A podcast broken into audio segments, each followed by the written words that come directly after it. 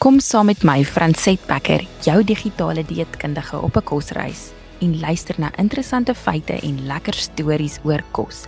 Kyk na die kos op jou bord met 'n nuwe perspektief en waardeer saam met my wat Moeder Aarde, die natuur en ons pragtige land Suid-Afrika ons bied vir spys en drank en goeie gesondheid.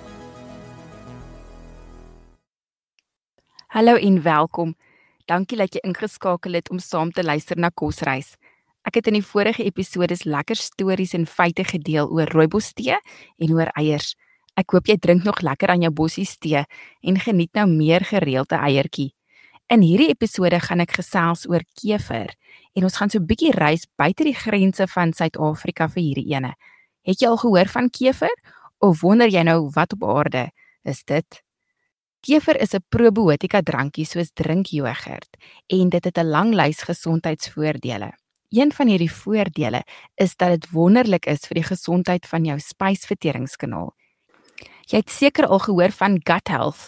Nou kever is goed vir gut health. Ons spysverteringskanaal is baie kompleks. Dit is nie net 'n voedselverwerker wat kos verteer en absorbeer nie. Dit speel 'n belangrike rol ook in ons immuniteit. En navorsing het bepaal dat die gesondheid van jou spysverteringskanaal kan verband hou met sekere siektetoestande. Die spysverteringskanaal huisves 'n amper ontelbare hoeveelheid mikroorganismes. Ons dieet en leefstyl bepaal of daar goeie of slegte mikroorganismes in ons darmes groei.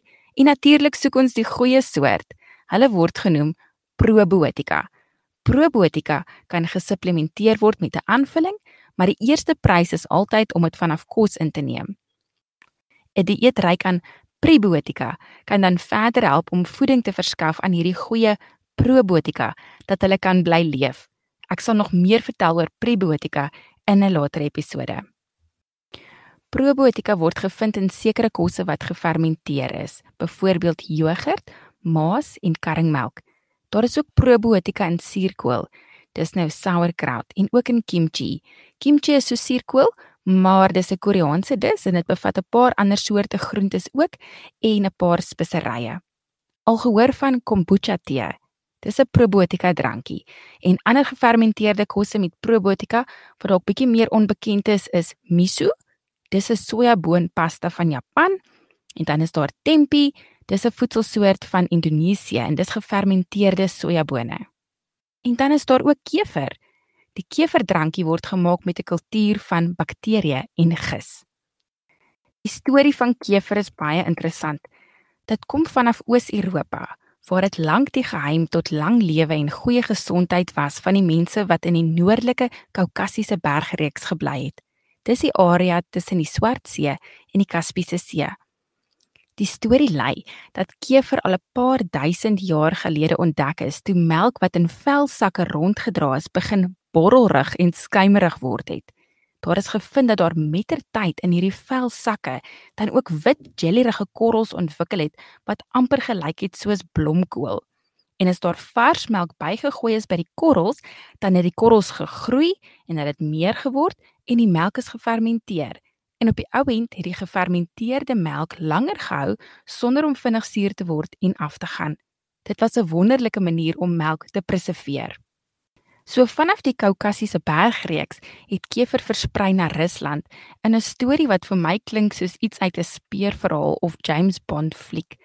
Ek sit 'n skakel in my episode notas as jy wil lees oor die pragtige Russiese vrou wat op die ou en dit reg gekry het dat die prins vir haar keverkorrels gegee het. Van Rusland het kever versprei na die res van Europa, die VSA en toe die res van die wêreld. Kever is soos 'n tipe drinkjogurt, maar met baie meer probiotika. Jy kan maar sê dis meer potent. Dis romerig en die smaak is effens suur. Die suur laat my wel dink aan die suur van 'n suurlemoen eerder as die suur van suurmelk. Daar is al na kever verwys as die champagne van jogurt as gevolg van die effense suurgeur en die borreltjies wat op jou tong ronddans as jy dit drink. En oorspronklike kever bevat klein bietjie alkohol. Maar moenie bekommer nie, die kever wat in die winkels verkoop word is gemaak met 'n kultuur vry van gis en dit is dus alkoholvry. Is jy al nuuskierig om kever te probeer? Die smaak was vir my die eerste keer nogals vreemd en ek het besluit om net daagliks 'n lepel vol te neem soos medisyne eerder as om dit te drink. Hey, maar fast forward so bietjie en nou is dit een van my gunsteling drankies. My seentjie het ook geleer om dit te drink en hy noem dit opgewonde my melkie as hy dit in die yskas sien. Daar is heelwat soorte kever op die mark en jy kan gerus gaan loer in jou gesondheidswinkel en in die inkopieswinkels. Party soorte proe vir my maar net soos drinkjogurt. Hulle het nie daai effense suursmaakie nie. Nou is jy dalk laktose intolerant. Wel dan het ek vir jou goeie nuus. Die probiotika in kever gebruik die laktose in die melk as voeding om te oorleef. So teen die tyd dat ons kever van die rak afhaal by die winkel, dan is dit basies laktosevry. Is jy dalk op 'n vegetariese dieet sonder melk of allergies vir melk of nie so erg oor melk nie? Dan kan jy steeds die voordele van kever geniet in die vorm van waterkever.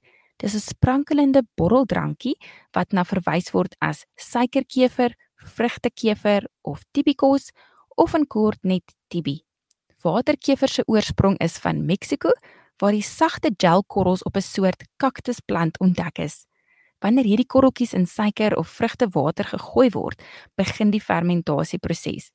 Die eindresultaat is 'n ligte smaak, soos 'n effense flou aanmaak koeldrank en dan saam met dit het dit ook die gasborreltjies en 'n effense suursmaak as gevolg van die fermentasieproses. As jy wil, kan jy selfs jou eie melkkever of waterkever by die huis maak. Kry net vir jou 'n kever making kit en dan het jy die keverkorrelkultuur wat jy nodig het om die proses te begin. Nou wat is die gesondheidsvoordele van kever?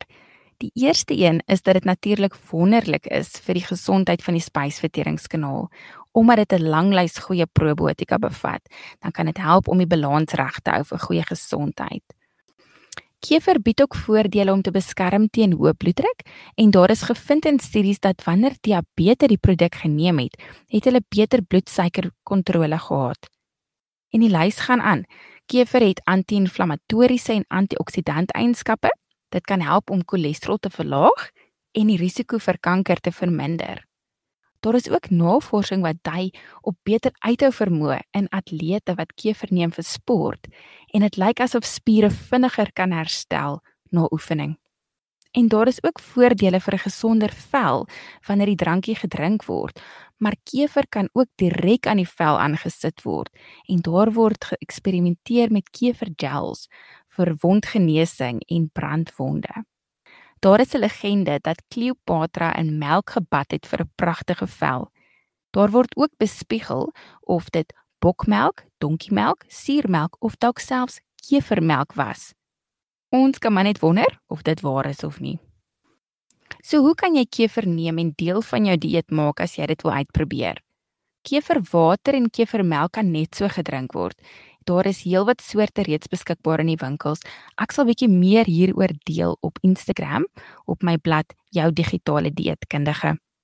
Soos gegeurde jogurt kry ons ook gegeurde kever. En dit proe soos heerlike drinkjogurts en dit kan net so gedrink word. Daar's lekker geure soos vanilla, arbei, grenadella en selfs toffee. Kever kan byvoorbeeld gebruik word in vrugteskommels of maak gefriesde jogurt. Gooi so 'n bietjie heuning by jou vrugteskommel en vries dit dan in klein houertjies vir 'n nagereg. Eet kever saam met vrugte en sit 'n bietjie heuning by as jy voel dis nie soet genoeg vir jou smaak nie. Mens kan ook oornag havermout maak met kever in plaas van met melk of jogurt of maak 'n doopsous of slaai sous. Vervang 'n deel van die mayonnaise met kever vir aardappelslaai pasta slaai, broccoli slaai of koolslaai of los die mayonnaise sommer net heeltemal uit. Ek maak 'n heerlike slaaisous met 'n klein houertjie ongegeurde kever, 2 eetlepels asyn, sout en peper. Ek stel voor gebruik appelasyn of wit balsamiese asyn vir 'n lekker geur. Party resepte voeg dan nog 'n bietjie heuning ook by, maar die soort kever wat ek gewoonlik koop, proe alreeds effens soet en daar's nie nodig vir nog heuning ook nie.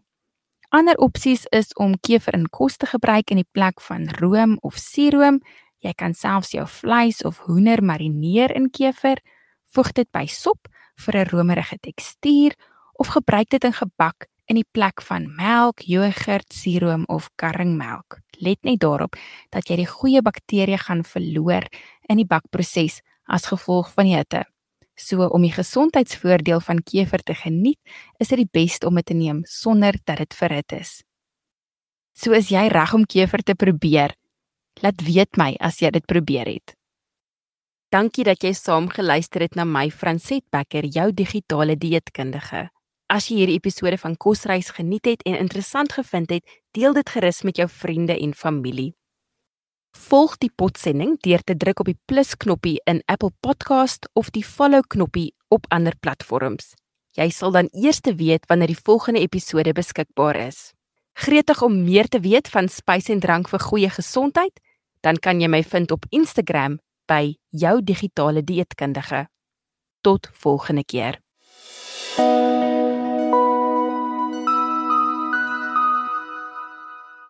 Hierdie potsending is alleenlik vir inligtingdoeleindes en dien nie om enige mediese advies, diagnose, behandeling of 'n konsultasie met 'n gesondheidswerker te vervang nie. Raadpleeg jou dokter of 'n ander gesondheidswerker as jy enige vrae het oor jou gesondheid of mediese toestand. Hierdie inligting berus alleenlik op die aanbieder se persoonlike ervaring en navorsing. Dit verteenwoordig nie enige ander menings of navorsing of die van enige instansie nie.